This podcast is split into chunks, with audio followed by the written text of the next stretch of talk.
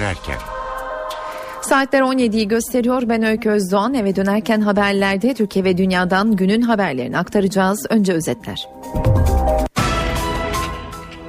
Cumhurbaşkanı Erdoğan Peşmerge'nin Kobani'ye geçişi ve PYD'ye Amerikan yardımı konusunda yeni açıklamalar yaptı. Ayrıntıları az sonra aktaracağız.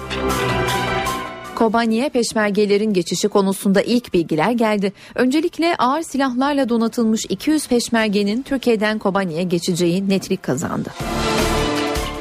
Diyarbakır'da 10 DEDAŞ görevlisi silahlı bir grup tarafından kaçırıldı. Güvenlik güçleri operasyona başladı. Hrantnik cinayetinden 7 yıl sonra cinayette ihmali olduğu öne sürülen 9 kamu görevlisi soruşturma yolu açıldı. Dönemin Emniyet Müdürü Celalettin Cerrah'la İstanbul Vali Yardımcısı Ergun Güngör de bu isimler arasında. Gelişmeyi Dink ailesi avukatlarından Bahri Belen'e soracağız. Ve Galatasaray Devler Ligi'nde bu akşam Alman Borussia Dortmund'la karşılaşacak. 21.45'te başlayacak mücadele NTV Radyo'dan naklen yayınlanacak. Karşılaşma öncesi son bilgileri stadyumdan canlı alacağız. Günün gelişmelerinden öne çıkan başlıklar böyleydi. Şimdi ayrıntılar.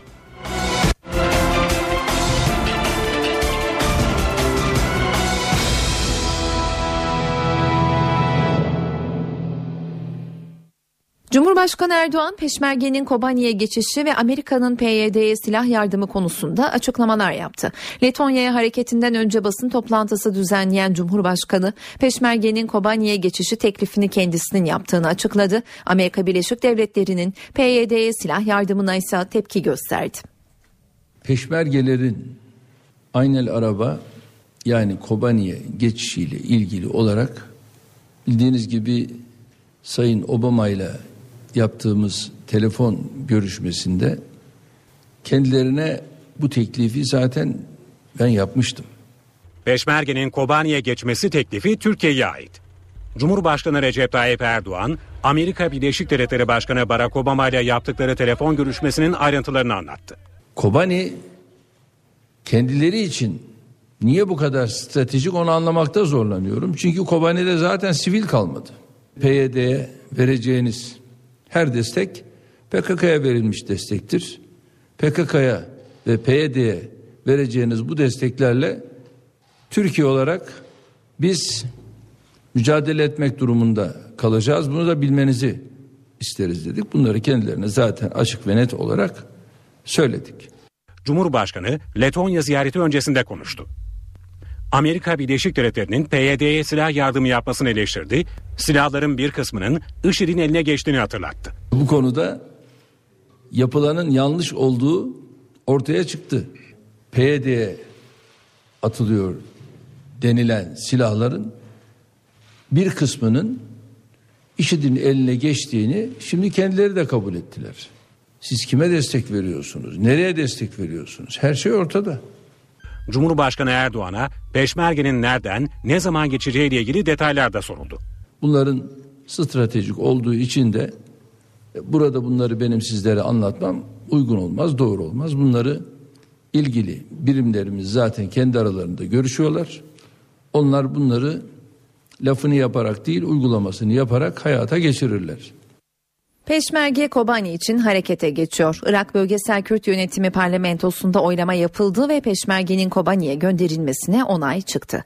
Bu kapsamda ilk etapta Türkiye sınırından ağır silahlarla donatılmış 200 Peşmerge geçiş yapacak. Ayrıntıları Erbil'den Doğan Haber Ajansı muhabiri Felat Bozarslan bildiriyor. Türk Bölgesel Yönetim Başkanı Mesut Barzani bir karar verdi. Ancak bunun yasal zemine oturtulması için konunun e, parlamentoda görüşülmesini ve bir nevi bir tezkere çıkarılmasını istedi Mesut Barzani. İşte bugün Barzani'nin çağrısı üzerine 111 sandalyeli Kürdistan parlamentosu Kobani gündemiyle toplandı. Kapalı oturumda yapılan toplantının ilk bölümü sabah yapıldı ve Peşmerge Bakanı Mustafa Feyyik Kadir parlamenterlere silahlı güçlerin Kobani'ye geçiş şekli ve yolları ile ilgili bilgi verdi. Yapılan planın orada parlamenterlere aktarılmasını sağladı. İçeriden aldığımız bilgilere göre Kobani'ye ilk etapta ağır silahlarla donatılmış 200 kişilik özel bir peşmerge birliği gönderilecek ki bu silahlar arasında e, uçak savarlar, havan topları ve kapış füzelerinin olabileceği ifade ediliyor. Bu arada peşmerge güçlerinin muhtemel dergahı da e, yavaş yavaş netleşmeye başladı. Bugün yapılan kapalı oturumda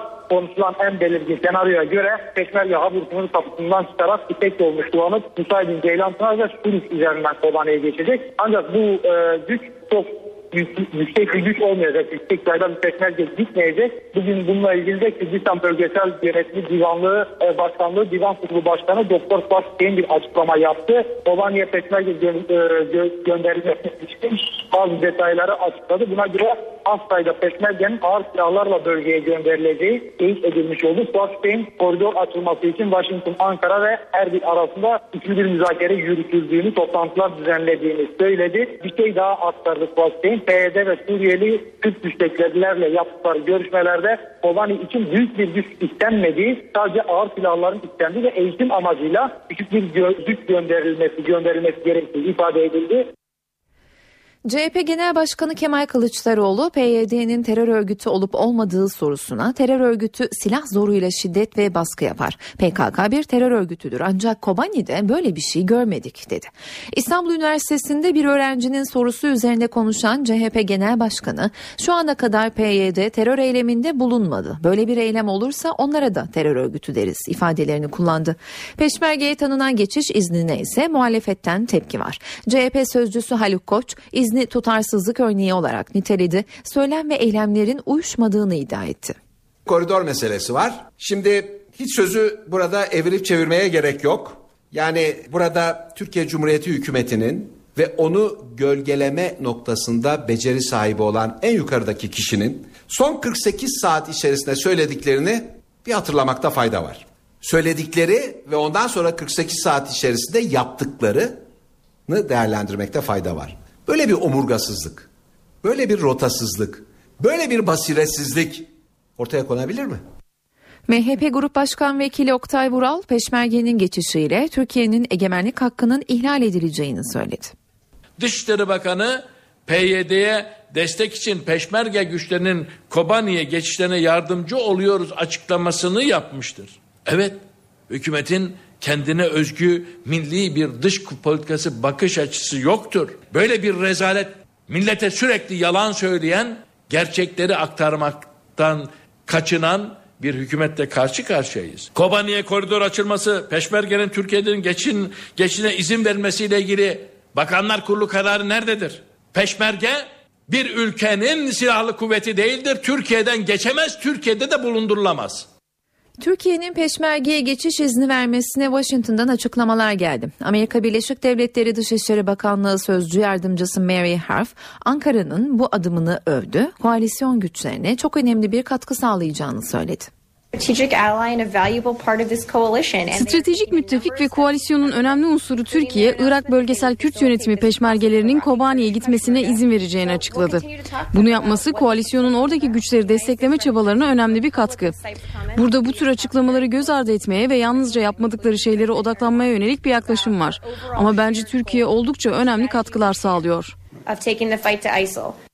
Dışişleri Bakanlığı Sözcü Yardımcısına basın toplantısında Cumhurbaşkanı Erdoğan'ın Kobani Amerika için stratejik değil açıklaması da soruldu.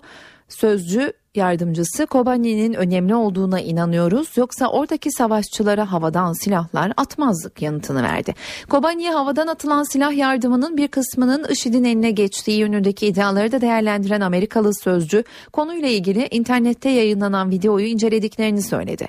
Amerikan Savunma Bakanlığı Pentagonsa bu konuda daha net konuştu. Savunma Bakanlığı sözcüsü John Kirby, IŞİD'in yayınladığı videodaki bazı küçük silahların ve teçhizatların kendi attıkları pakettekiler olduğunu olduğunu kaydetti. Paketin IŞİD'in eline geçmiş olması ihtimali var ifadesini kullandı.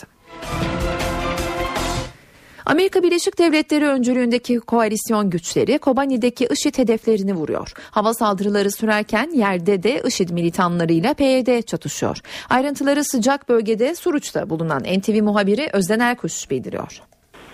Irak Şam İslam Devleti terör örgütünün Kobani kuşatmasında 38. gün yoğun çatışmalar ve etkili hava harekatlarına sahne oldu. Kentte gün boyu devam eden çatışmalarda IŞİD terör örgütü üyeleri Türkiye sınırına yakın olan doğu bölgelerini hedef aldı. Sabah saatlerinde havan saldırılarının yanı sıra iki bomba yüklü araçla intihar saldırısı girişiminde yapıldı. Ancak araçlar PYD güçleri tarafından infilak etmeden durduruldu. IŞİD'in doğu ve güneyde saldırılarını yoğunlaştırmasının ardından koalisyon güçlerine bağlı savaş uçakları bir kez daha devreye girdi. Toplam 5 hava saldırısında tam 10 hedef vuruldu. En etkili hava harekatı Kobani'nin güneyine gerçekleşti. Uçaklar birbirine yakın noktalara 4 lazer güdümlü bomba gönderdi. Patlamanın etkisiyle ortaya çıkan büyük duman bulutu kentin üstünü kapladı. Ancak yoğun hava harekatına rağmen kent merkezindeki çatışmalarsa aralıksız devam ediyor. Özden Erkuş, NTV Radyo, Şanlıurfa, Suruç. IŞİD bir yandan Kobani'de savaşırken Irak'ta da ilerleyişini sürdürüyor. Diyala kentine bağlı Karatepe kasabasında yaşayan Türkmenler IŞİD saldırılarıyla karşı karşıya. Irak Türkmen Cephesi Başkanı ve Kerkük Milletvekili Erşat Salihi, IŞİD'in silahsız Türkmen bölgelerini özellikle hedef aldığını söyledi. NTV'ye konuşan Salihi, Irak hükümetinden silah yardımı beklediklerini söyledi. Saldırı alanı Bağdat'ın 120 kilometre kuzeyine düşen Karatepe nahiyesidir. E, çoğunluğu Türkmenlerden oluşan bir nahiyedir. Orada e, etrafında olan bazı Arap ve Türkmen köy ve obaları da vardır. IŞİD'ler bu defa o köyleri bir kısmını ele geçirmiş oldular. Orada Türkmenlere ait olan Hüseyniyeleri e, yakıp yandırdılar. Bunun neticesinde saldırıyı daha ilerletmek için Karatepe nahiyesine olan e, akıncılar e, ve gönüllü askerler, e, peşmergeler ve halk ordusu tarafından güneyden gelenler işte o saldırılara karşı direnmektediler. Bundan da önce söylemiştik hem e, peşmerge güçlerine, Kuzey Irak yönetimine hem de merkezi hükümete e, Türkmen bölgeleri Sünni Araplarla Kürtlerin arasında olan bölgelerdir. Tabi bu bölgelerde halk e, ne kadar silahlı olmadığı takdirde terör örgütleri bu bölgeleri daha çok hedef haline getirebilirler. Ne yazık ki bu hususta ne Kuzey Irak yönetimi Türkmenlerin silahlanmasını e, bağımsız olarak kabul etmediler. Hem de merkezi hükümette baskısını e, bırakamadı Kürt yönetiminin. Ama e, iş ataş başa düştüğü zaman işte Türkmenler de gelin siz de silahlanın ama bir gün bir gecenin içinde nasıl insanlar silahlansınlar, nasıl eğitilsinler, nasıl planlarını yapsınlar. NTV Radyo Diyarbakır'da 10 DEDAŞ görevlisi Silvan ilçesinde silahlı kişilerce kaçırıldı. Güvenlik güçleri DEDAŞ görevlilerinin kurtarılması için operasyon başlattı. Ayrıntıları NTV bölge temsilcisi Nizamettin Kaplan bildiriyor. Kaçırılma olayı sabah saat 09.30 sıralarında yaşandı. İddiaya göre sayaç değiştirme ve kaçak kontrolleri için Silvan ilçesine bağlı bazı köylere giden ve e, yüklenici bir firma adına çalışan e, 10 DEDAŞ görevlisi e, Gürpınar Köyü Dönenkaya mezrası yakınlarında silahlı bir grup tarafından yol kesilmesi sonucu e, orada yapılan kimlik kontrolü sonrasında kaçırıldı ve saat 11'den itibaren de bu görevlilerle iletişim kesilince DEDAŞ e, ve e, yüklenici firma harekete geçti. Bazı görgü tanıkları da e, yine e, Dönenkaya Köyü yakınlarında e, DEDAŞ aracının silahlı bir e, grup tarafından durdurulduğunu iletmesi üzerine işçilerin kaçırıldığı net olarak anlaşılmış oldu ve bu çerçevede de jandarma e, bölgede operasyon başlatıldı başlattı. Şu ana kadar işçilerden herhangi bir haber yok e, ve 10 işçinin sabah saatlerinde yine tekrar hatırlatmak gerekirse sayaç değiştirme ve kaçak kontrolleri için Silva'nın bazı köylerine gittiği bilgisi elimize ulaştı. Yargıtay elektrik faturasına kaçak elektrik bedelinin eklenemeyeceğine hükmetti. Yüksek yargının kararına göre kayıp, kaçak ve sayaç okuma bedeli elektrik faturalarına yansıtılamayacak. Yargıtay elektrik faturalarında yer alan kayıp kaçak bedelinin hukuk dışı olduğuna hükmetti. Karar, kayıp kaçak bedeli ödemek istemeyen aboneler için emsal niteliği taşıyor. Sivas'ta faaliyet gösteren özel bir firma, elektrik faturasında yer alan kayıp kaçak ve sayaç okuma bedellerinin hukuka aykırı olduğunu belirterek mahkemeye başvurdu. Ancak yerel mahkeme itiraz yerinde bulmadı. Dava Yargıtay'a taşındı. Dosyayı inceleyen Yargıtay 3. Hukuk Dairesi firmayı haklı buldu. Kayıp kaçak bedelinin hukuk dışı olduğuna hükmetti. Kararda elektrik enerjisinin nakli esasında meydana gelen kaybı, kurallara uyan abonelerden tahsil yoluna gitmek, hukuk devleti ve adalet düşünceleriyle bağdaşmamaktadır denildi. Yargıtay kararı emsal niteliği taşıyor. Kayıp kaçak oranları şu anda Türkiye'de %14-15'ler civarında. Ancak bölgelere göre oranlar değişiyor. Doğu ve Güneydoğu Anadolu bölgelerinde %70'lere kadar çıkıyor. Elektrikte kayıp kaçan Türkiye'ye faturasının yıllık 2,7 milyar lira civarında olduğu tahmin ediliyor. Davayı kazanan şirketin avukatı Yargıtay'ın emsal kararından sonra vatandaşların dava açabileceğini savundu. Avukat Onur Tatar, kayıp kaçak bedelinin iadesi istenebilir, haksız olarak tahsil edilen bu bedeller geri ödenecektir, dedi. Gazeteci Hrant Dink cinayetinde ihmali olduğu öne sürülen 9 kamu görevlisine soruşturma yolu açıldı.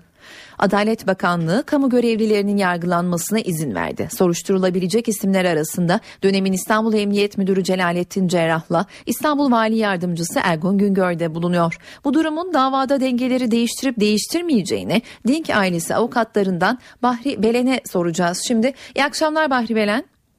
Beni duyabiliyor musunuz? Duyuyorum. Merhaba. Ee, ailenin uzun zamandır bu yönde bir talebi vardı Bahri Bey. Kamu görevlilerinin soruşturulmasıyla birlikte yeniden görülen Dink davasında neler yaşanır sizce?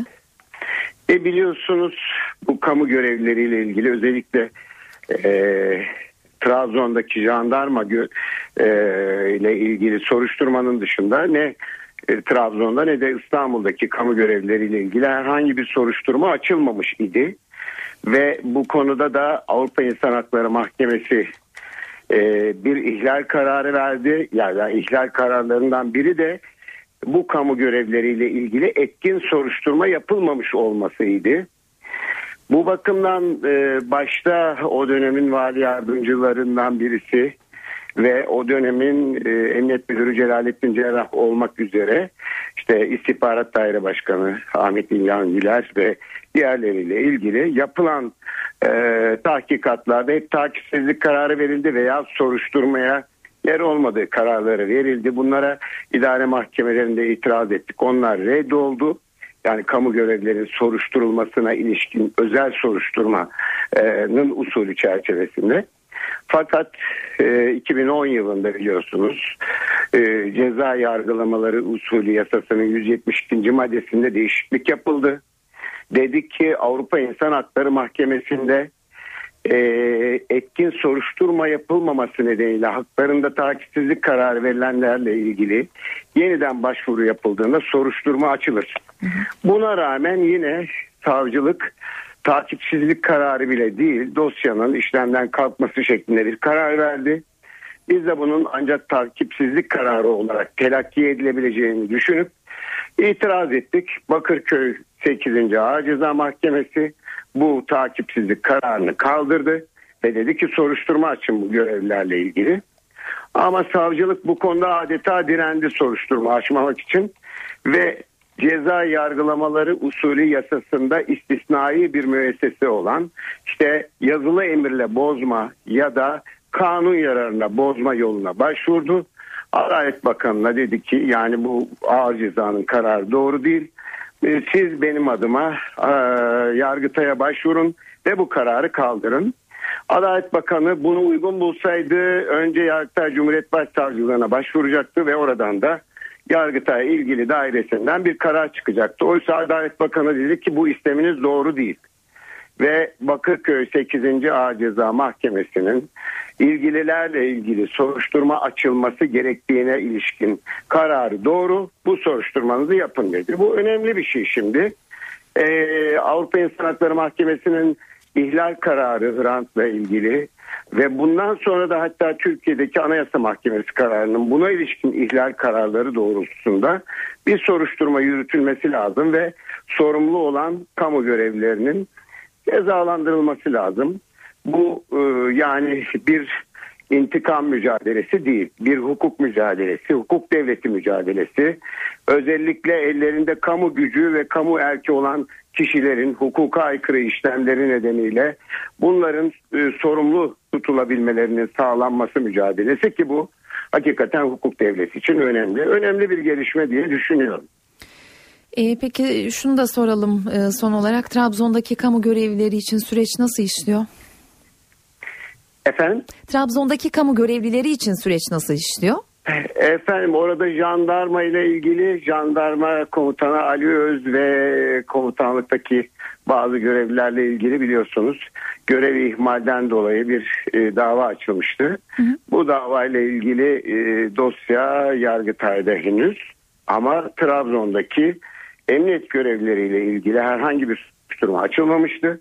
Aynı işte Avrupa İnsan Hakları Mahkemesi kararını getirerek orada da yaptığımız başvuru sonrası şimdi e, süreç işliyor.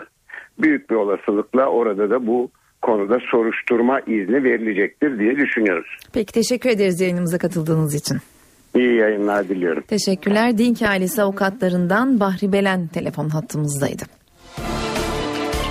Bingöl'ün Karlova ilçesinde Hüdapar üyesi bir kişi uğradığı silahlı saldırı sonucu hayatını kaybetti. Kale mahallesinde oturan 35 yaşındaki Fethi Yalçın sabah evinden çıkarken kendisini takip eden bir otomobilden açılan ateş sonucu ağır yaralandı. Dört çocuk babası Yalçın kaldırıldığı hastanede kurtarılamadı. Saldırganların yakalanması için ilçe genelinde operasyon başlatıldı.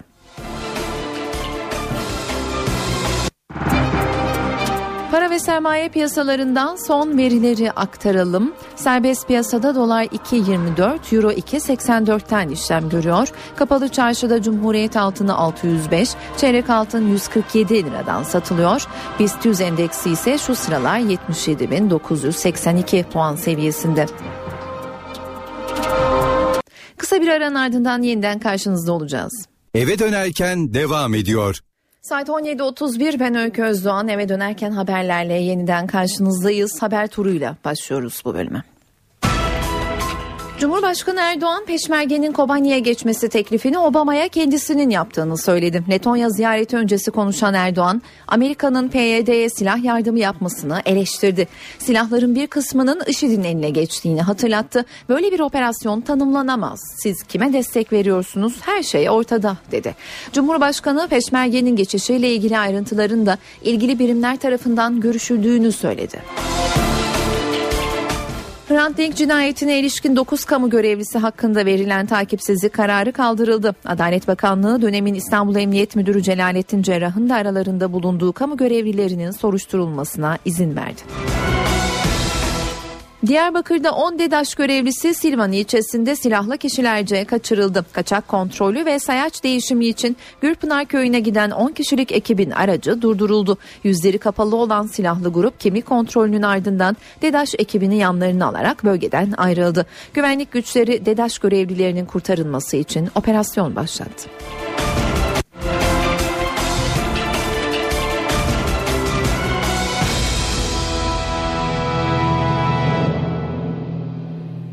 Manisa Soma'da 3. termik santral yapımına karşı çıkan köylüler zeytinlikte ağaç kesimine giden görevlilerle karşı karşıya geldi. Şirketin özel güvenlik görevlileri müdahale edip köylüleri darp ederek kelepçe takınca olay büyüdü. Jandarma güvenlik görevlilerine müdahale ederek köylüleri serbest bıraktı. Şirketin 3 görevlisini de gözaltına aldı. Zeytin ağaçlarının kesilmesine karşı çıktılar. Kelepçelenip darp edildiler. Manisa'nın Soma ilçesinde Yırca mahallesine termik santral kurulacak. Bakanlar Kurulu kararıyla kamulaştırılan alanda yapılacak santral için mahalle sakinleri yürütmenin durdurulması ve iptali için dava açtı. Ancak şirket dava sonuçlanmadan çalışmalara başladı. Sabah zeytin toplamak için bölgeye giden köylüler ağaçların kesildiğini görünce görevlilerle tartıştı. Köylülere müdahale eden özel güvenlik görevlileri biber gazı sıkarak darp etti. Aralarında kadınların da olduğu 11 köylü kelepçe takılarak yerde sürüklendi. Bir koşturmaca, bir kargaşa, üç tane kepçe, biri sağdan, biri soldan, evet. motorlu destereler bir yandan köyleri kelepçelediler. Köylülerin ihbarı üzerine bölgeye giden jandarma 3 şirket görevlisini gözaltına aldı. Özel güvenlik görevlileri anahtarları kaybettiklerini söyleyince köylülerin elindeki kelepçe çıkarılamadı. Ellerinde kelepçeyle hastaneye götürülen köylüler şikayetçi oldu. Üç tane kepçeyle beraber zeytinliklerin içine daldılar. Biz de müdahale ettik, engel olmaya çalıştık. Bize Biz soktukları durum bu. Bizi yere yatırdıktan sonra kafamızı yere sürterek arkamızdan kelepçe taktılar. Zeytin kesme izni yok, imar izni yok, tarım arazisi. Ama burada bugüne kadar bine yakın zeytin kesmiş durumda bugünkü rakamlarla beraber. Büyük bir hukuksuzluk var. Şirketin yargı sonucunu beklemeden 17 Eylül'den bu yana ağaç kesimi yaptığı belirlendi. İstanbul Üsküdar'daki Valide Bağ Korusu girişine yapılmak istenen cami ile ilgili tartışma sürerken iş makineleri çalışmaya başladı bile. Semt sakinleri yürütmeyi durdurma kararı verildiğini, belediyenin karara uymadığını söylüyor. Üsküdar Belediye Başkanı Hilmi Türkmen ise tepki gösterenlerin çevrecilikle yeşille ilgisi olmadığını iddia etti. Ortada bir mahkeme kararı yok, cami yapılacak dedi. Yargı bize dur derse dururuz, yap derse yaparız. Bu kadar basit bu iş. Aksine efendim biz dava açtık, davayı bekleyin. E ben de size dava açayım, durayım bir dilekçe dava açmak zor değil. Şimdi çok daha kolay UYAP'tan oturduğu yere dava açıyorsun. Dava açtım dur.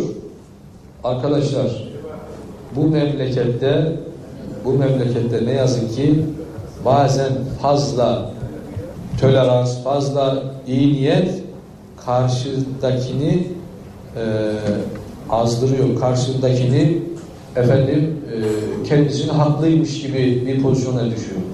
Haklılık falan yok.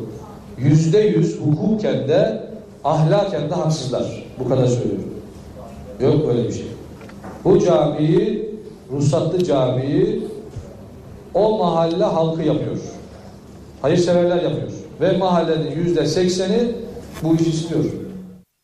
Adana'da KPSS sınavına girerken saç rengi kimliğindeki fotoğrafta görünen saç rengiyle uyuşmadığı için sahtekar şüphesiyle gözaltına alınan Pelin Çetinkaya iradeden da, idareden davacı oldu. 24 yaşındaki Pelin Çetinkaya hakkında başlatılan soruşturmanın takipsizlikle sonuçlanması üzerine KPSS sınavına girip öğretmen olma şansını kaçırdığı gerekçesiyle ÖSYM ve hazineden zararının tazmini için 350 bin lira tazminat istiyor.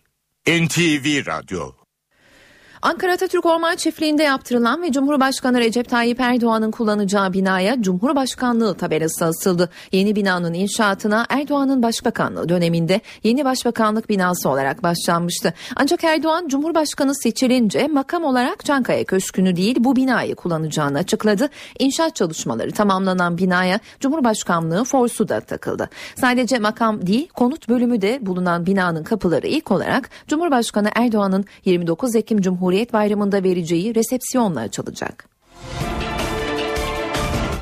Cumhuriyet Halk Partisi'nde Grup Başkan Vekili görevinden ayrılan Muharrem İnce'nin yerine Ankara Milletvekili Levent Gök seçildi. İki adayın yarıştığı üçüncü tur oylamada Levent Gök 65 milletvekilinin oyunu alırken rakibi İzzet Çetin 39 oyda kaldı. Hatay'da bir gencin MERS virüsünden hayatını kaybetmesi Türkiye'de paniğe yol açtı. Bu korku nedeniyle ateşi yükselenler MERS şüphesiyle hastaneye kaldırılıyor. Tokat'ta hac dönüşü rahatsızlanan iki kadın MERS şüphesiyle gözlem altına alındı. Konya, Kütahya ve Kahramanmaraş'ta MERS şüphesi taşıyan 5 kişiden alınan numuneler de inceleniyor. Türkiye genelinde halen 7 kişi MERS, 3 kişi de Ebola şüphesiyle hastanelerde tutuluyor. Alınan numunelerin test sonuçlarının açıklanmasıyla bu kişilerin virüs taşıyıp taşımadığı ortaya çıkacak.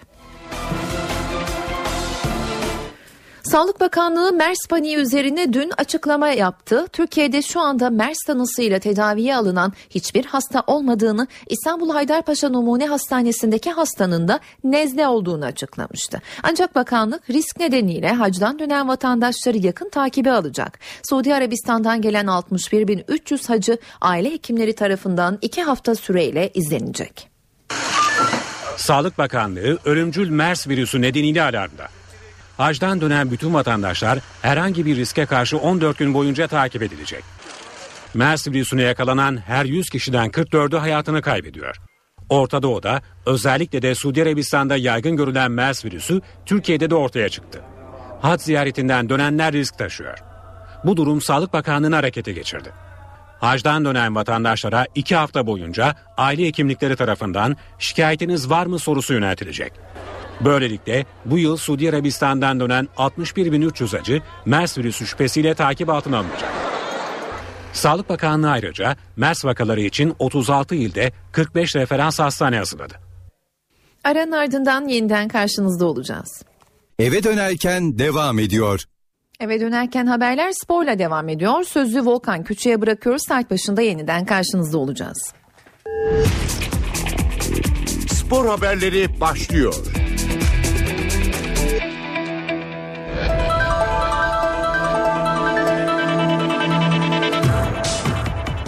Galatasaray Şampiyonlar Ligi'nde 3. maçına çıkıyor. Sarı Kırmızılı takım D grubu mücadelesinde Almanya'nın Borussia Dortmund ekibini Türk Telekom Arena'da konuk edecek. Maç saat 21.45'te başlayacak ve NTV Radyo'dan naklen yayınlanacak. Şampiyonlar Ligi'ndeki tek temsilcimiz Galatasaray D grubundaki 3. maçında Borussia Dortmund'la Türk Telekom Arena'da karşılaşacak. Gruptaki ilk maçında evinde Belçika temsilcisi Anderlet'le 1-1 berabere kalan Galatasaray bir puanı getiren golü uzatma dakikasında Burak Yılmaz'la buldu. Zorlu Arsenal deplasmanında 4-1 mağlup olmaktan kurtulamayan Sarı Kırmızılılar ilk galibiyetine Borussia Dortmund karşısında ulaşmaya çalışacak. İki maçını da kazanan ve 6 puanla lider durumda bulunan Borussia Dortmund karşısında gruptaki önemli maçlarından birine çıkacak olan Galatasaray'ın alacağı olası bir galibiyet ikinci tura yükselebilme hedefinde büyük bir adım olacak. Saat 21.45'te başlayacak maçı İspanyol hakem Antonio Mateo Lahoz yönetecek. Galatasaray'da Melo ve Cemaili sarı kart cezası sınırında mücadele edecek. İkili Dortmund maçında da kart görürlerse Alman ekibiyle oynanacak rövanşta forma giyemeyecekler. Süper Lig'in 6. haftasındaki derbide Fenerbahçe'ye karşı alınan 2-1'lik galibiyet Borussia Dortmund maçı öncesi sarı kırmızılı ekipte moralleri yükseltti. Dortmund maçı için tam kadro gerçekleştirilen son antrenmanda futbolcuların derbi galibiyeti sonrası neşeli tavırları dikkat çekti. Florya Metin Oktay tesislerinde teknik direktör Cesare Prandelli yönetiminde gerçekleştirilen antrenmanda futbolcular üçerli gruplar halinde el ele tutuşup pas çalıştı. Antrenmanın basına kapalı bölümünde taktik çalışma gerçekleştirildi. Fenerbahçe Başkanı Aziz Yıldırım Bruno Alves'e verilen cezanın 30 bin euro olduğunu söyledi. İsmail Kartal'a destek çıkan Yıldırım sezon sonunda şampiyon olacaklarını savundu. Fenerbahçe Başkanı Aziz Yıldırım Sarı Lacivertlerin son antrenmanı sırasında basın mensuplarının sorularını yanıtladı. Galatasaray'la oynanan derbide kırmızı kart gören Alves'e sert tepki gösteren Yıldırım takıma zarar verilmesinin cezasız kalmayacağını söyledi. 30 bin euro ceza verebiliyoruz dediler talimat gereği. 30 bin ona verdik 20 bin de Bekir'e verdik. Bundan sonra Fenerbahçe'ye e, zarar veren herkese gereken cezayı vereceğiz. Yıldırım Galatasaray derbisini de değerlendirdi. Bizim kendimiz orada mağlup olduk yani bizi Galatasaray yenmedi. Bizim oyuncunun kendini attırması. Onun arkasından da e, psikolojik olarak yediğimiz gol karşılığını verebilmek için açılınca da ikinci golü yedik. İlk 7 dakikada 3 tane sarı kart vardı. Galatasaray orada oyuncusu atıyor kendini. E, Emenike'ye giriyor. Oyun pozisyonu devam ettiriyor. Dönüp sarı kart gösterecek devam diyor. Bir pozisyon daha var. Üç tane yani ben Mahmut Bey'le beraber seyrettik. 7 dakikada 3 tane sarı kart vardı. Hiçbirini yapmadı. Göstermediler. E biz de oyuncu atılınca onun bahanesinin altına e, sığınıyorlar. Onun arkasına sığınıyorlar demesinler diye sesimizi çıkarmıyoruz. Teknik direktör İsmail Kartal'a duyduğu güveni dile getiren Başkan Yıldırım şampiyonluk için iddialı konuştu. E bu, bu kadro e, çalışınca ancak rayına oturur. E, İsmail Hoca da çalıştırıyor. Yavaş yavaş oturacağız merak etmeyin. Yine bir şampiyon olacağız. İsmail Hoca buranın çocuğu. Bu sonuna kadar burada kalacak. Destek olun. Duygusal tamam mı? Duygusal e, çalışıyor. Çok çalışıyor. Gereksiz şeyleri de televizyonda söylüyor. Kendisini şey yapacak, zora sokacak şeyleri söylüyor. Bunları söylememesi gerektiğini kendisine söyledim. Atletico Madrid'den transfer ettikleri Diego ile 3 yıllık sözleşme imzaladıklarını hatırlatan Aziz Yıldırım, Brezilyalı oyuncunun takıma yavaş yavaş adapte olacağını sözlerine ekledi. Beşiktaş Belgrad'da Siyah Beyazlılar Avrupa Ligi C grubu 3. maçında Partizan'la oynayacağı maç için bu sabah Belgrad'a gitti. Beşiktaş'ı Belgrad Havalimanı'nda 30 kadar Sırp polisi karşıladı. Beşiktaş kafilesinde futbolcular ve teknik heyetin yanı sıra 2. Başkan ve Futbol Şubesi Başkanı Ahmet Nurçebi, Genel Sekreter Ahmet Türkmezgil, Futbol A takımından sorumlu yönetim kurulu üyesi Mete Vardar'da yer aldı. Siyah beyazlı kafilede sakatlıkları bulunan Mustafa Pekdemek, Sosa ve Serdar Kurtuluş yer almadı. Beşiktaş son hazırlık çalışmasını saat 20'de maçın oynanacağı statta yapacak. Antrenman öncesinde teknik direktör Slaven Bilic ve takım kaptanı Tolga Zengin basın toplantısı yapacak. Partizan Beşiktaş maçı yarın saat 22.05'te oynanacak ve NTV Radyo'dan naklen yayınlanacak. Trabzonspor Avrupa Ligi L grubunda yarın Belçika'nın Lokeren takımını konuk edecek. Hüseyin Avni Ayker sırında saat 20'de başlayacak karşılaşma NTV Radyo'dan naklen yayınlanacak. Mersin İdman Yurdu'nu 3-1 yenerek Süper Lig'deki ilk galibiyetini alan Trabzonspor, UEFA Avrupa Ligi 3. maçında Lokeren takımını konuk edecek. Tarihinde ilk kez bir Belçika takımıyla karşılaşacak Bordo Mavililer, grupta Metalist Karkiv'i Ukrayna'da 2-1 mağlup edip sahasında Polonya'nın Lejia Varşova takımına 1-0 yenilmişti. Varşova karşılaşmasında hakeme itirazı nedeniyle tribüne gönderilen ve bir maç ceza alan teknik direktör Vahit Halilozic, Lokeren karşısında kulübedeki yerini alamayacak. Trabzonspor'da sakatlıkları bulunan Onur Kıvrak, Deniz Yılmaz ve Aykut Demir Belçika ekibine karşı forma giyemeyecek. Hafif sakatlıkları bulunan Musa Nizam, Yusuf Erdoğan ve İshak Doğan'ın durumuysa maç saatinde belli olacak. Sakatlığı düzelen Mustafa Yumlu, boşnak teknik adamın görev vermesi durumunda Lokeren mücadelesinde oynayabilecek. Trabzonspor'un Lokeren karşısına şu muhtemel 11 ile çıkması bekleniyor. Kalede Fatih Öztürk, Bosingba, Belkalem, Papadopoulos ve Medyani savunma dörtlüsü, Salih Dursun, Konstant, Mehmet Ekici ve Varis, en ileri uçtaysa Yatabare ve Cardozo. Bu haberle spor bültenimizin sonuna geldik. Hoşçakalın. Saat 18.01 ben Öykü Özdoğan. Eve dönerken haberlerde Türkiye ve dünyadan günün öne çıkan haber başlıklarını aktaralım. Cumhurbaşkanı Erdoğan Peşmerge'nin Kobani'ye geçmesi teklifini Obama'ya kendisinin yaptığını söyledi. Letonya ziyareti öncesi konuşan Erdoğan, Amerika'nın PYD'ye yaptığı silah yardımını ise eleştirdi. Irak Kürt Parlamentosu peşmergelerin Kobani'ye geçişini onayladı. İlk etapta ağır silahlarla donatılmış 200 peşmerge Türkiye'den Kobani'ye geçecek. Diyarbakır'da 10 DEDAŞ görevlisi silahlı bir grup tarafından kaçırıldı. Güvenlik güçleri operasyona başladı. Hrant Dink cinayetinden 7 yıl sonra cinayette ihmali olduğu öne sürülen 9 kamu görevlisine soruşturma yolu açıldı. Dönemin Emniyet Müdürü Celalettin Cerrah ve İstanbul Mali Yardımcısı Ergun Güngör de bu isimler arasında. Ekonomi yönetimi altın alışverişinde taksiti yasaklayan mevzuatı değiştirdi. Artık altın alışverişlerinde kredi kartına 4 taksit yapılabilecek. Bu durumun satışları nasıl etkileyeceğini altın uzmanı Mehmet Yıldırım Türk'e soracağız. Ve Galatasaray Devler Ligi'nde bu akşam Alman Borussia Dortmund'la karşılaşacak. 21.45'te başlayacak mücadele NTV Radyo'dan naklen yayınlanacak. Karşılaşma öncesi son bilgileri stadyumdan canlı alacağız. Günün gelişmelerinden öne çıkan başlıklar böyleydi. Şimdi ayrıntılar.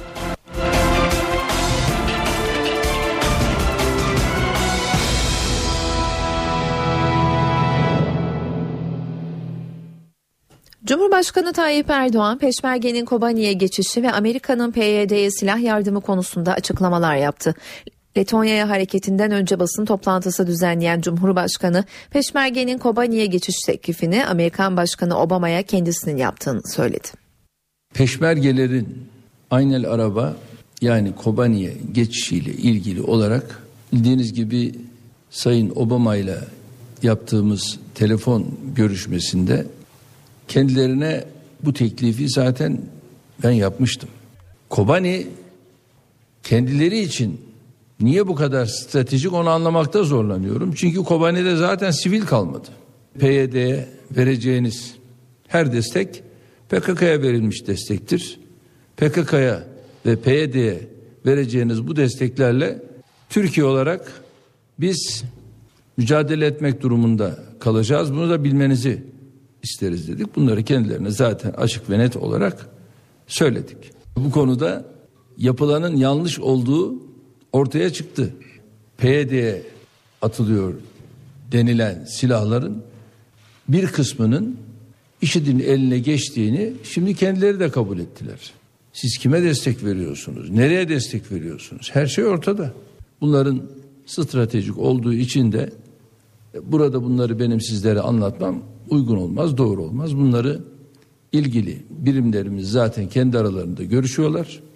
Onlar bunları lafını yaparak değil uygulamasını yaparak hayata geçirirler. Kuzey Irak Bölgesel Kürt Yönetimi IŞİD saldırısı altındaki Kobani'ye peşmerge gönderilmesine onay verdi.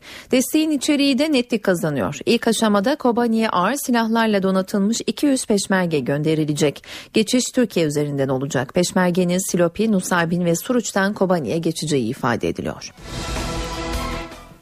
Türkiye'nin peşmergeye geçiş izni vermesine Washington'dan açıklamalar geldi. Amerika Birleşik Devletleri Dışişleri Bakanlığı Sözcü Yardımcısı Mary Harf, Ankara'nın bu adımını övdü. Koalisyon güçlerine çok önemli bir katkı sağlayacağını söyledi. Dışişleri Bakanlığı Sözcü Yardımcısına basın toplantısında Cumhurbaşkanı Erdoğan'ın Kobani Amerika için stratejik değil açıklaması da soruldu.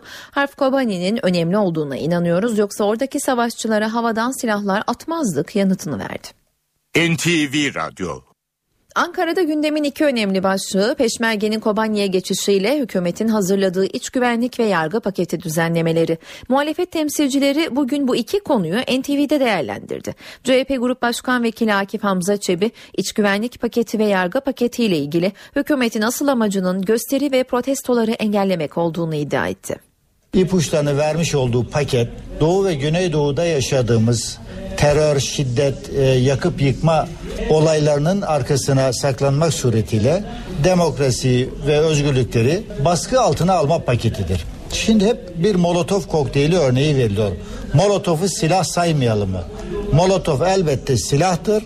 Molotov'la bir yeri yakıyorsanız, yıkıyorsanız bunun cezası mutlaka olmalıdır.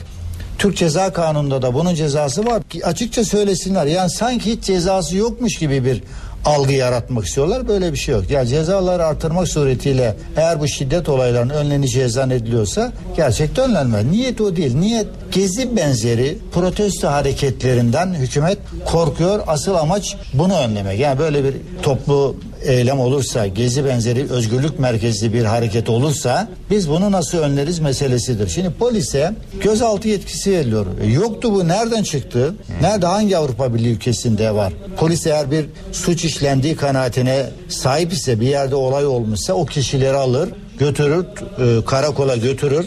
Böyle bir yetkisi var. O kişilerin ifadelerini alır Cumhuriyet Savcısına sevk eder. Sanki polisin eli kolu bağlı gibi bir anlayış yaratılıyor. Bu doğru değil.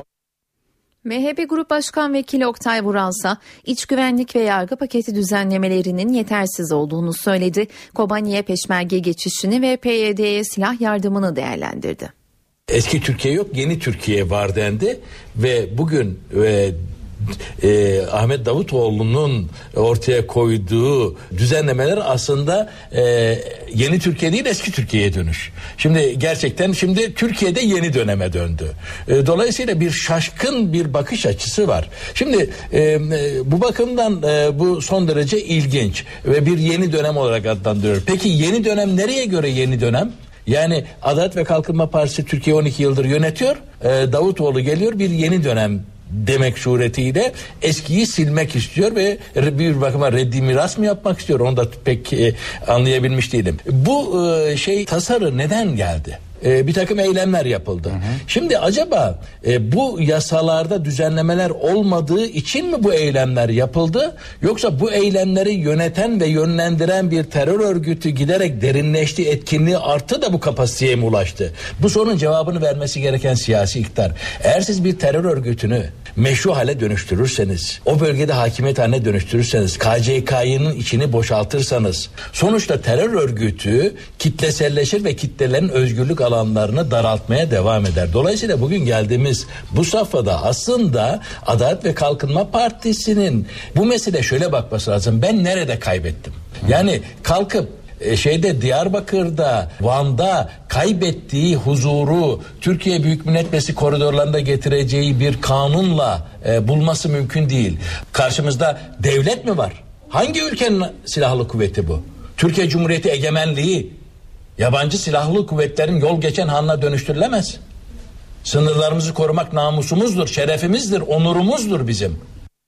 Muhalefetin eleştirilerine AK Parti Grup Başkan Vekili Ahmet Aydın yanıt verdi. Aydın paketin demokrasinin önünü açacağını ve kamu düzeninin sağlanmasına yardımcı olacağını söyledi çeşitli alanları e, düzenliyor. Bir taraftan e, demokrasinin önünü açan, normalleşmeyi sağlayan sivil bir takım mekanizmaların da içinde bulunduğu bir paket.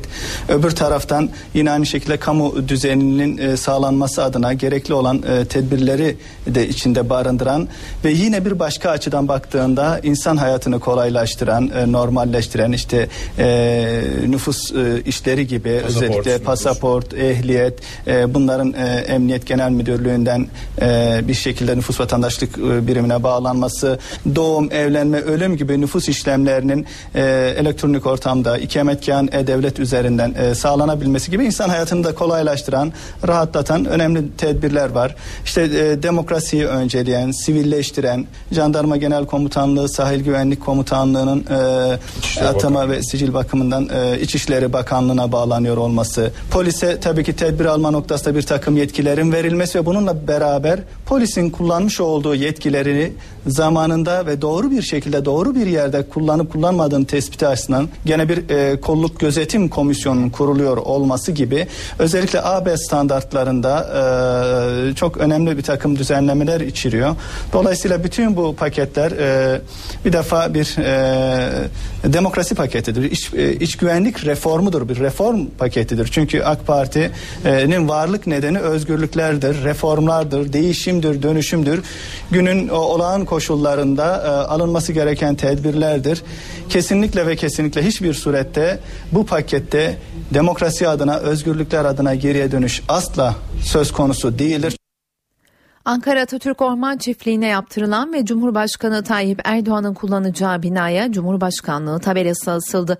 Yeni binanın inşaatına Erdoğan'ın başbakanlığı döneminde yeni başbakanlık binası olarak başlanmıştı. Ancak Erdoğan Cumhurbaşkanı seçilince makam olarak Çankaya Köşkü'nü değil bu binayı kullanacağını açıkladı.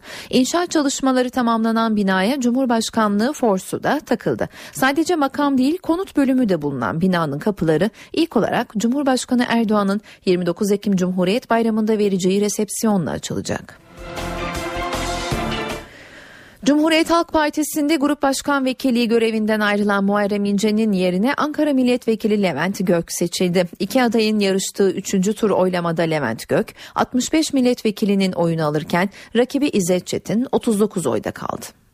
NTV Radyo Yeni bir gelişmeyi aktaralım. Diyarbakır'da silahlı kişilerce kaçırılan 10 DEDAŞ görevlisi Hazro kırsalında serbest bırakıldı. DEDAŞ heyeti kaçak kontrolü ve sayaç değişimi yaparken Silvan ilçesinde kaçırılmıştı.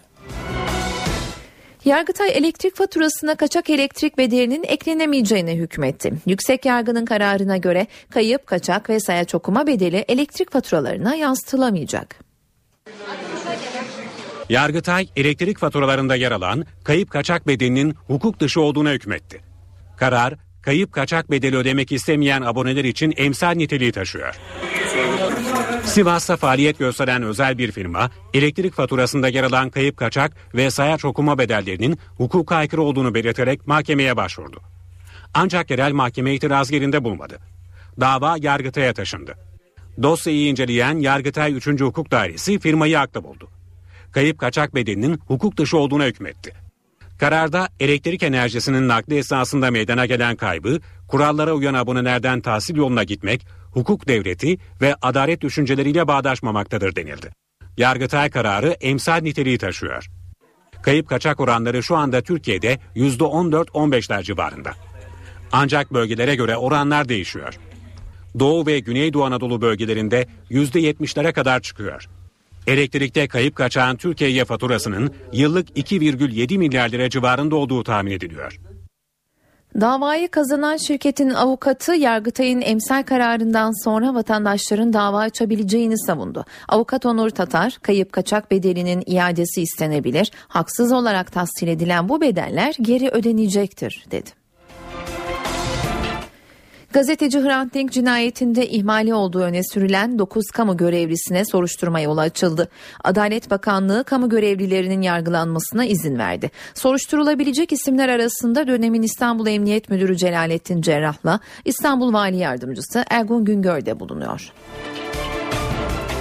İstanbul Ok Meydanı'nda cemevinde bulunduğu sırada kafasına mermi isabet etmesi sonucu yaralanan ve kaldırıldığı hastanede yaşamını yitiren Uğur Kurt'un ölümüne ilişkin soruşturma tamamlandı.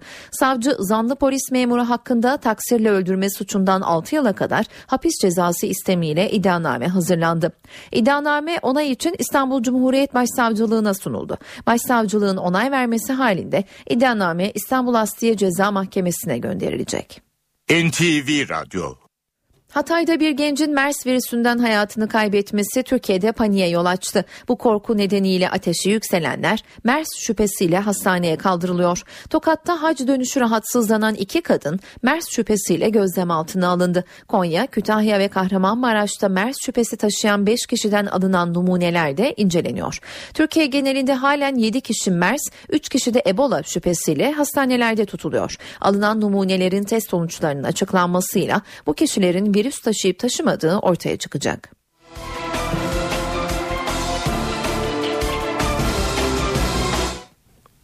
Sağlık Bakanlığı MERS paniği üzerine dün yaptığı açıklamada Türkiye'de şu anda MERS tanısıyla tedaviye alınan hiçbir hasta olmadığını, İstanbul Haydarpaşa Numune Hastanesi'ndeki hastanın da nezle olduğunu açıklamıştı. Ancak bakanlık risk nedeniyle hacdan dönen vatandaşları yakın takibe alacak. Suudi Arabistan'dan gelen 61.300 hacı aile hekimleri tarafından iki hafta süreyle izlenecek. Sağlık Bakanlığı ölümcül MERS virüsü nedeniyle alarmda. Hacdan dönen bütün vatandaşlar herhangi bir riske karşı 14 gün boyunca takip edilecek. MERS virüsüne yakalanan her 100 kişiden 44'ü hayatını kaybediyor. Orta Doğu'da özellikle de Suudi Arabistan'da yaygın görülen MERS virüsü Türkiye'de de ortaya çıktı. Hac ziyaretinden dönenler risk taşıyor. Bu durum Sağlık Bakanlığı'nı harekete geçirdi. Hacdan dönen vatandaşlara iki hafta boyunca aile hekimlikleri tarafından şikayetiniz var mı sorusu yöneltilecek. Böylelikle bu yıl Suudi Arabistan'dan dönen 61.300 acı MERS virüsü şüphesiyle takip altına alınacak. Sağlık Bakanlığı ayrıca MERS vakaları için 36 ilde 45 referans hastane hazırladı. Ebola'ya karşı aşı beklenirken tedavi için serum geliştirildi. Batı Afrika'da 4500 kişinin ölümüne neden olan Ebola serumu bu virüsten iyileşen hastaların kanı kullanılarak üretildi. Serumun Liberya'da önümüzdeki hafta kullanılmaya başlanması planlanıyor. Dünya Sağlık Örgütü Ebola'ya karşı yeni tedavi yöntemleri arayışında. Son çare serum. İyileşen Ebola hastalarından alınan kanla üretilen serum Liberya'da önümüzdeki haftalarda denenmeye başlanacak. Ebola ile savaşı kazanan hastaların virüsü yenebilecek antikorlar geliştirdiklerine dikkat çekiliyor. Hazırlanacak serumda iyileşen hastanın kanındaki al yuvarlar alınırken bu antikorlar korunacak. Ancak bu konuda Dünya Sağlık Örgütü'nün ciddi uyarıları da var. Kanı alınan kişilerin AIDS ve hepatit taşımadıklarının iyice araştırılması gerektiğine dikkat çekiliyor. İspanya'da Ebola'ya yakalanan ve iyileşen hemşirenin de bu şekilde hazırlanan serumla tedavi edildiği belirtiliyor. Ebola'ya karşı aşı geliştirilmesi için de çalışmalar sürüyor. Dünya Sağlık Örgütü, Ebola aşılarının etkili olup olmadığı ile ilgili ilk sonuçları bu yılın sonuna kadar almayı planlıyor. Ebola'ya karşı aşı geliştirilmesi için farklı birkaç ülkede araştırmalar devam ediyor.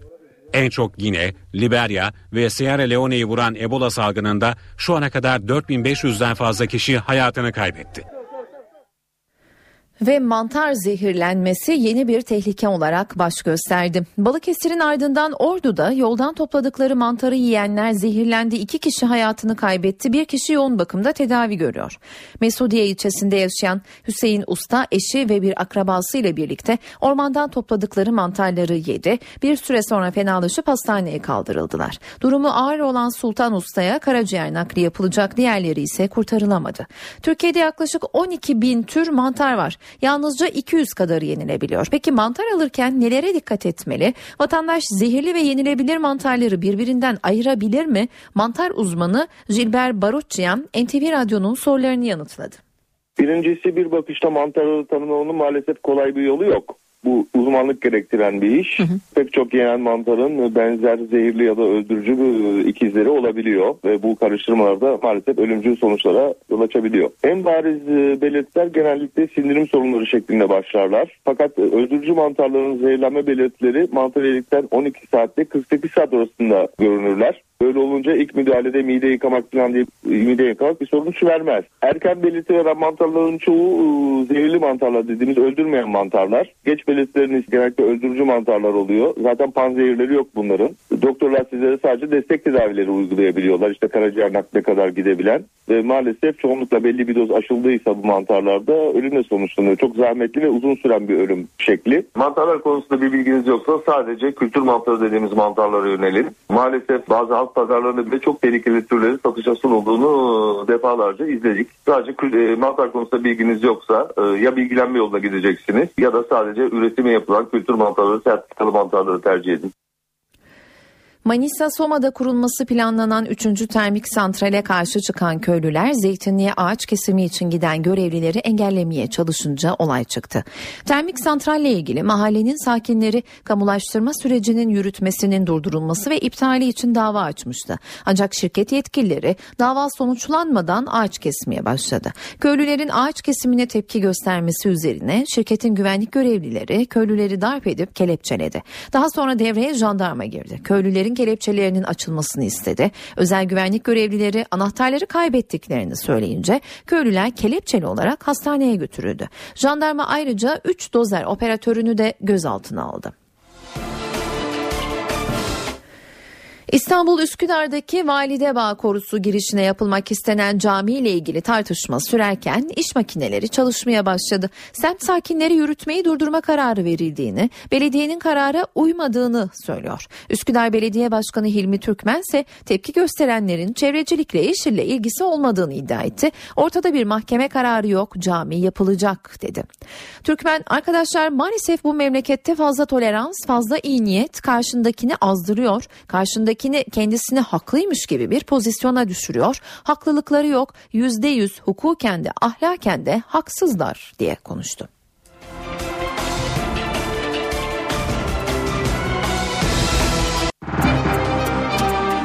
Para ve sermaye piyasalarının günü nasıl kapattığına bakalım şimdi. BIST endeksi günü 78.081 puandan tamamladı. Serbest piyasada dolar 2.24, euro 2.84'ten işlem gördü. Kapalı çarşıda da Cumhuriyet altın 605, çeyrek altın 147 liradan satıldı.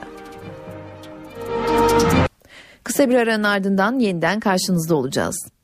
Saat 18.29 ben Öykü Özdoğan NTV Radyo'da eve dönerken haberlerle yeniden karşınızdayız. Sırada haber turu var. Peşmerge Kobani için harekete geçiyor. Irak Bölgesel Kürt Yönetimi Parlamentosu'nda oylama yapıldı ve Peşmerge'nin Kobani'ye gönderilmesine onay çıktı. Bu kapsamda ilk etapta Türkiye sınırından ağır silahlarla donatılmış 200 peşmerge geçiş yapacak. İstanbul Ok Meydanı'nda cemevinde bulunduğu sırada kafasına mermi isabet etmesi sonucu yaralanan ve kaldırıldığı hastanede yaşamını yitiren Uğur Kurt'un ölümüne ilişkin soruşturma tamamlandı. Savcı zanlı polis memuru hakkında taksirle öldürme suçundan 6 yıla kadar hapis cezası istemiyle iddianame hazırladı. Diyarbakır'da sabah saatlerinde silahlı kişilerce kaçırılan 10 DEDAŞ görevlisi Hazro kırsalında serbest bırakıldı.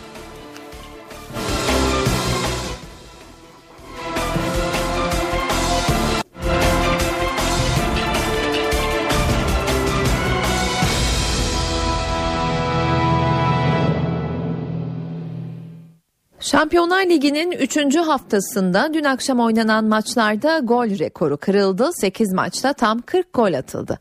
Devler Ligi'nde heyecan bu akşamsa temsilcimiz Galatasaray'ın yapacağı maçla zirveye ulaşacak. Sarı Kırmızılılar evinde Alman temsilcisi Borussia Dortmund'u ağırlayacak. Arena stadında 21.45'te başlayacak karşılaşma NTV Radyo'dan naklen dinlenebilecek. Şimdi maç öncesi son bilgileri almak için Seyran Tepe'ye bağlanıyoruz. Telefon attığımızda NTV Spor muhabiri Evren Göz var. Evren seni dinliyoruz. Galatasaray Şampiyonlar Ligi'nde 3. maçında Borussia Dortmund'da karşı karşıya gelecek. Türk Telekom Arena'daki mücadeleyi Sarı Kırmızıların kesinlikle kazanması gerekiyor. İlk maçta Anderlet'te 1-1 berabere kalmış Türk Telekom Arena'da. İkinci maçta Arsenal'da Londra deplasmanında 4-1 mağlup olmaktan kurtulamamıştı Sarı Kırmızı ekip. Bir puanla grubun son sırasında bulunuyor Galatasaray ve bu maçı kazanarak artık üst sıralara doğru tırmanmayı hedefliyor Sarı Kırmızılar.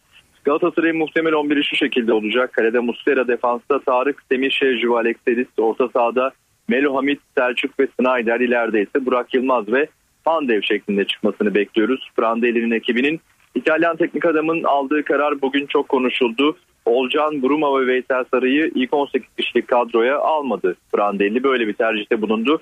Ee, bakalım bu maça nasıl yansıyacak? Daha önce Olcan Adın örneğin Fenerbahçe maçında başarıyla forma giymişti. Bruma çok yüksek maliyetlerle alınan bir oyuncu. Galatasaray'ın umut vaat eden oyuncularından bir tanesi. Veysel Sarı da yine Fenerbahçe derbisinde ilk 11'de forma giyen isimler arasındaydı. Karşılaşmanın başlamasına az bir süre kaldı. Taraftarların da bugün e, stada gelirken metroyu kullanamayacaklarını söyleyelim.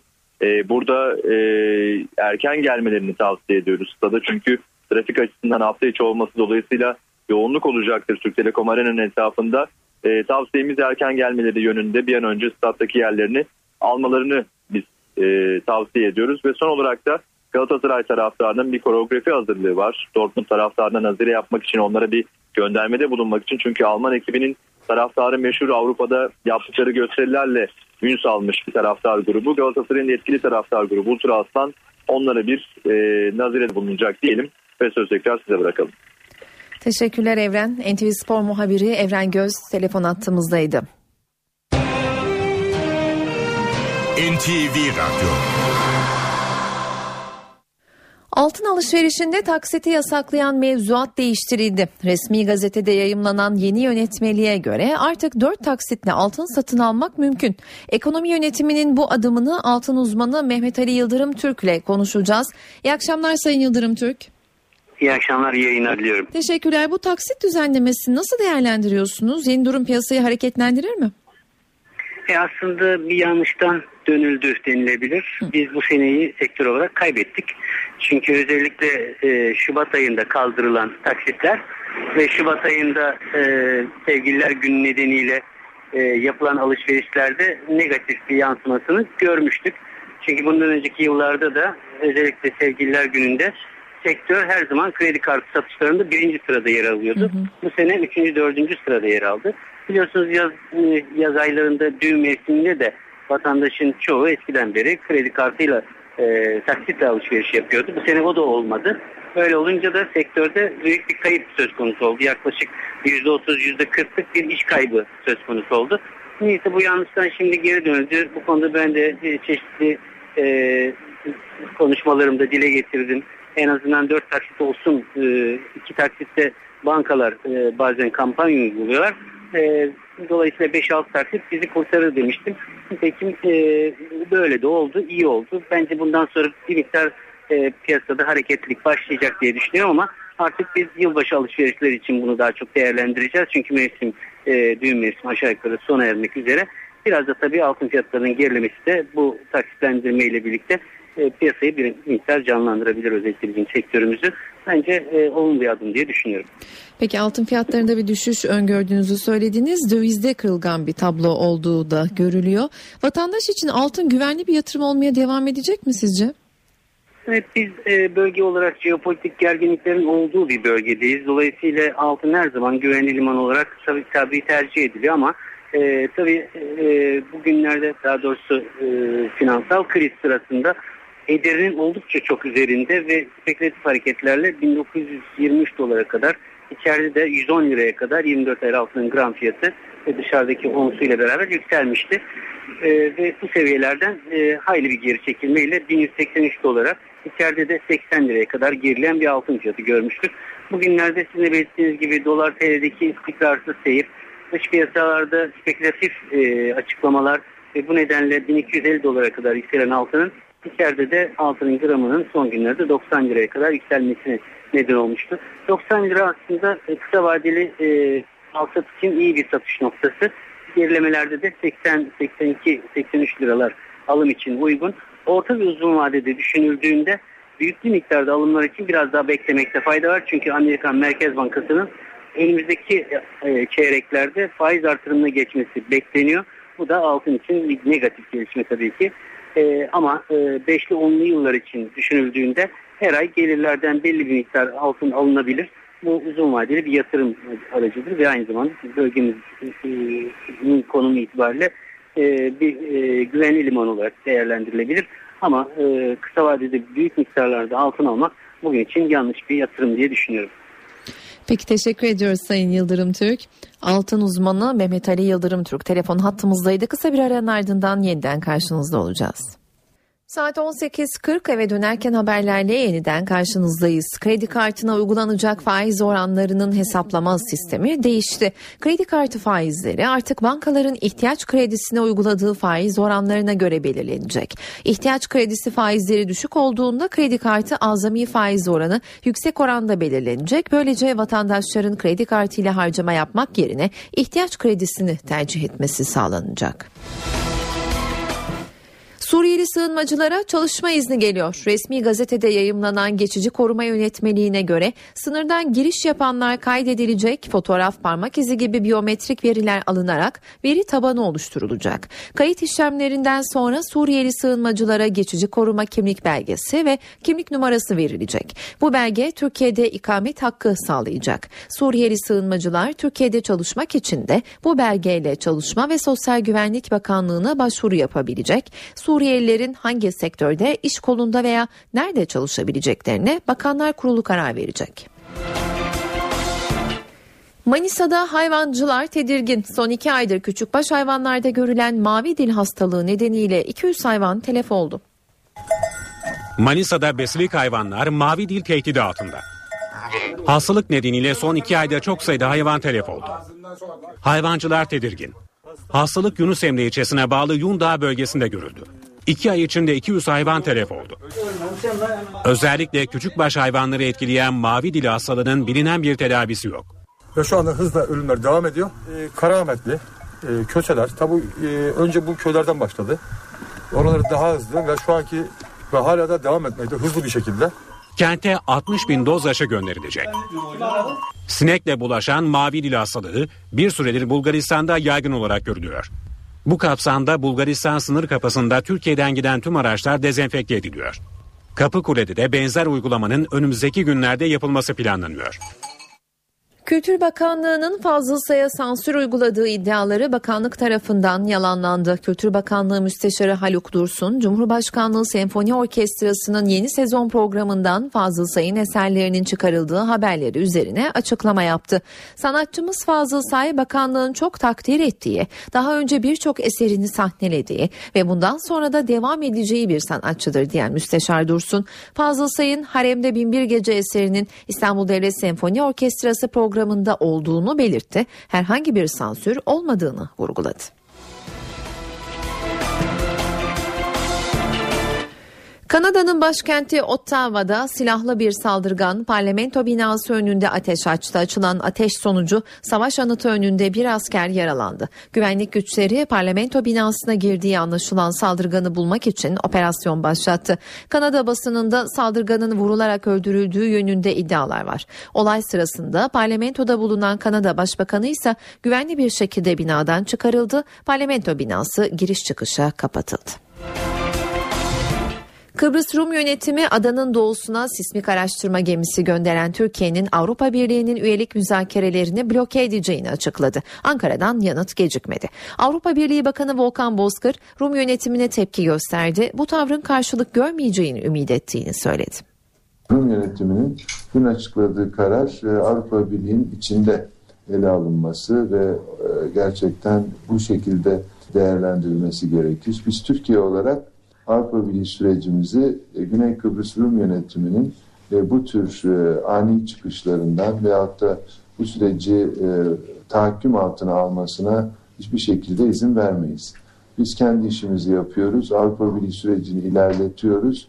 Güney Kıbrıs Rum yönetiminin fasılları açmama yönünde talebinin Avrupa Birliği nezdinde reddedilmesini bekliyoruz. Biz başlattığımız süreci aynı kararlılıkla, aynı güçte devam ettireceğiz. E, fasıllar Türkiye'de açılmışçasına ilerletilmektedir ve e, bunda en ufak bir e, tereddüdümüz veya sıkıntımız da yoktur.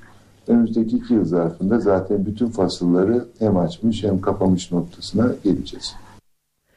Amerika Birleşik Devletleri'nin efsane gazetecisi Ben Bradley 93 yaşında hayatını kaybetti. Bradley 1970'li yıllarda Başkan Richard Nixon'ın istifa etmesiyle sonuçlanan Watergate'i ortaya çıkaran Washington Post gazetesinin yöneticisiydi.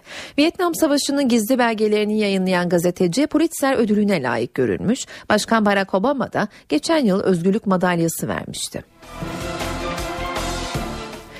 Sırada bu akşam sergilenecek kültür sanat etkinliklerinden seçtiklerimiz var.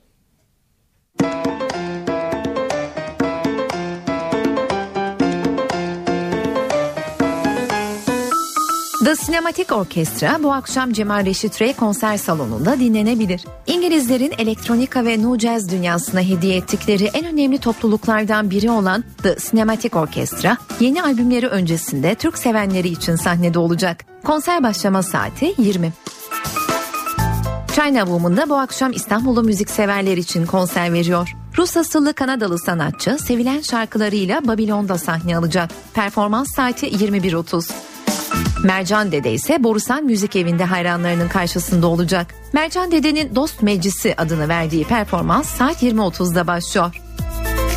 Elif Çağlar ve Bilal Karamansa Beyoğlu Hayal Kahvesi'nde bir konser veriyor bugün. Repertuarlarında caz klasikleri, besteler ve farklı tarzlardaki başka parçaların yorumlarına yer veren ikili performansına saat 22.30'da başlayacak. Cehan Barbur da Ankara'da sevenleri için sahnede olacak. Çağdaş müziğin sevilen seslerinden Cehan Barbur saat 22.30'da sahne alıyor. Etkinliğe Pasaj Bab'ın ev sahipliği yaptığını ekleyelim. Tiyatro severler için de bir önerimiz var. Asiye Kuş sahneleniyor bu akşam İstanbul'da. Bize'nin ünlü operası Carmen'i opera, tiyatro, bale ve güldürü ustalığıyla harmanlayan Ali Poyrazoğlu Yunus Emre Kültür Merkezi'nde sanatseverlerle buluşacak. Oyun saat 20.30'da başlıyor. Bu akşam evdeyseniz CNBC'de saat 23'te The White Queen, öncesinde ise saat 22'de The Last Ship izlenebilir. Star TV'de ise saat 20.30'da yerli dizi Güzel Köylü ekranda olacak. Sıcak bir gelişmeyi aktaralım. Danimarka'da kapanan Roche TV adına topladıkları 140 milyon Danimarka kronunu PKK'ya göndererek terörü finanse ettikleri gerekçesiyle yargılanan 10 sanık beraat etti. Aranın ardından yeniden karşınızda olacağız. Saatler 19'u gösteriyor. Ben Öykü Özdoğan eve dönerken haberlerde günün özetleriyle yeniden karşınızdayız.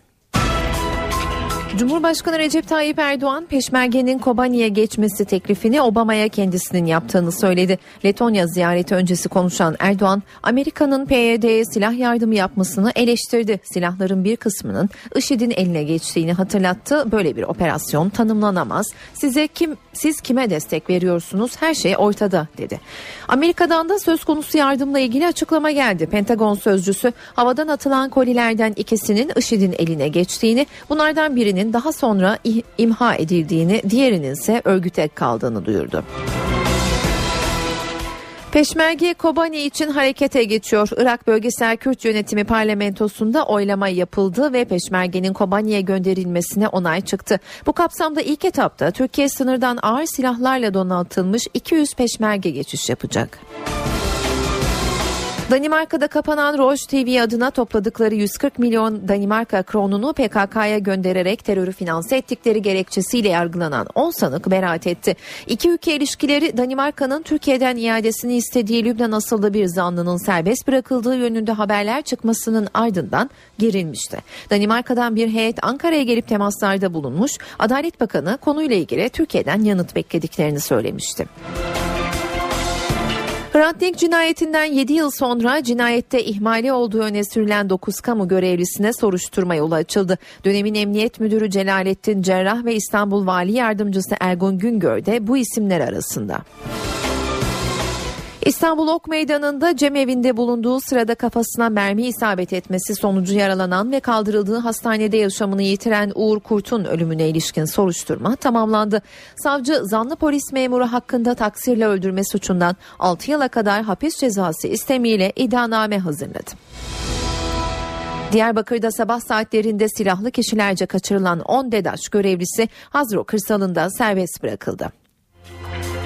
Kanada'nın başkenti Ottawa'da parlamento binası önündeki silahlı saldırıda bir asker hayatını kaybetti. Parlamento binasına giren saldırgan çatışmada öldürüldü.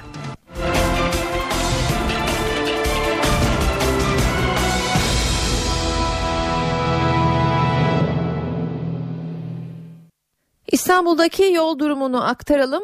Fatih Sultan Mehmet Köprüsü'nde Anadolu yakasından Avrupa yakasına geçişte yoğunluk Çakmak Köprüsü'nden başlıyor. Boğaziçi Köprüsü'nde ise Acıbadem Köprüsü'nden itibaren köprü çıkışına kadar bir sıkışıklık var. Avrupa yakasından Anadolu yakasına geçişlerde Fatih Sultan Mehmet Köprüsü Kemerburgaz ayrımından itibaren oldukça yoğun. Boğaziçi Köprüsü'nün yoğunluğu ise Çağlayan'dan başlıyor. İyi yolculuklar dileriz. Eve dönerken haberlerin sonuna geldik. Bir hatırlatmayla kapatalım bugünkü bülteni. Galatasaray'ın bu akşam 21.45'te Borussia Dortmund'da yapacağı Şampiyonlar Ligi karşılaşması NTV Radyo'dan naklen yayınlanacak. Ben Öykü Özdoğan, editör Sevan Kazancı, teknik masada Mehmet Can Batır. İyi akşamlar diliyoruz. NTV Radyo yayını kısa bir aranın ardından Cem Dizler ve Gürcan Bilgiç'in hazırlayıp sunduğu Çift Forvet programıyla devam edecek.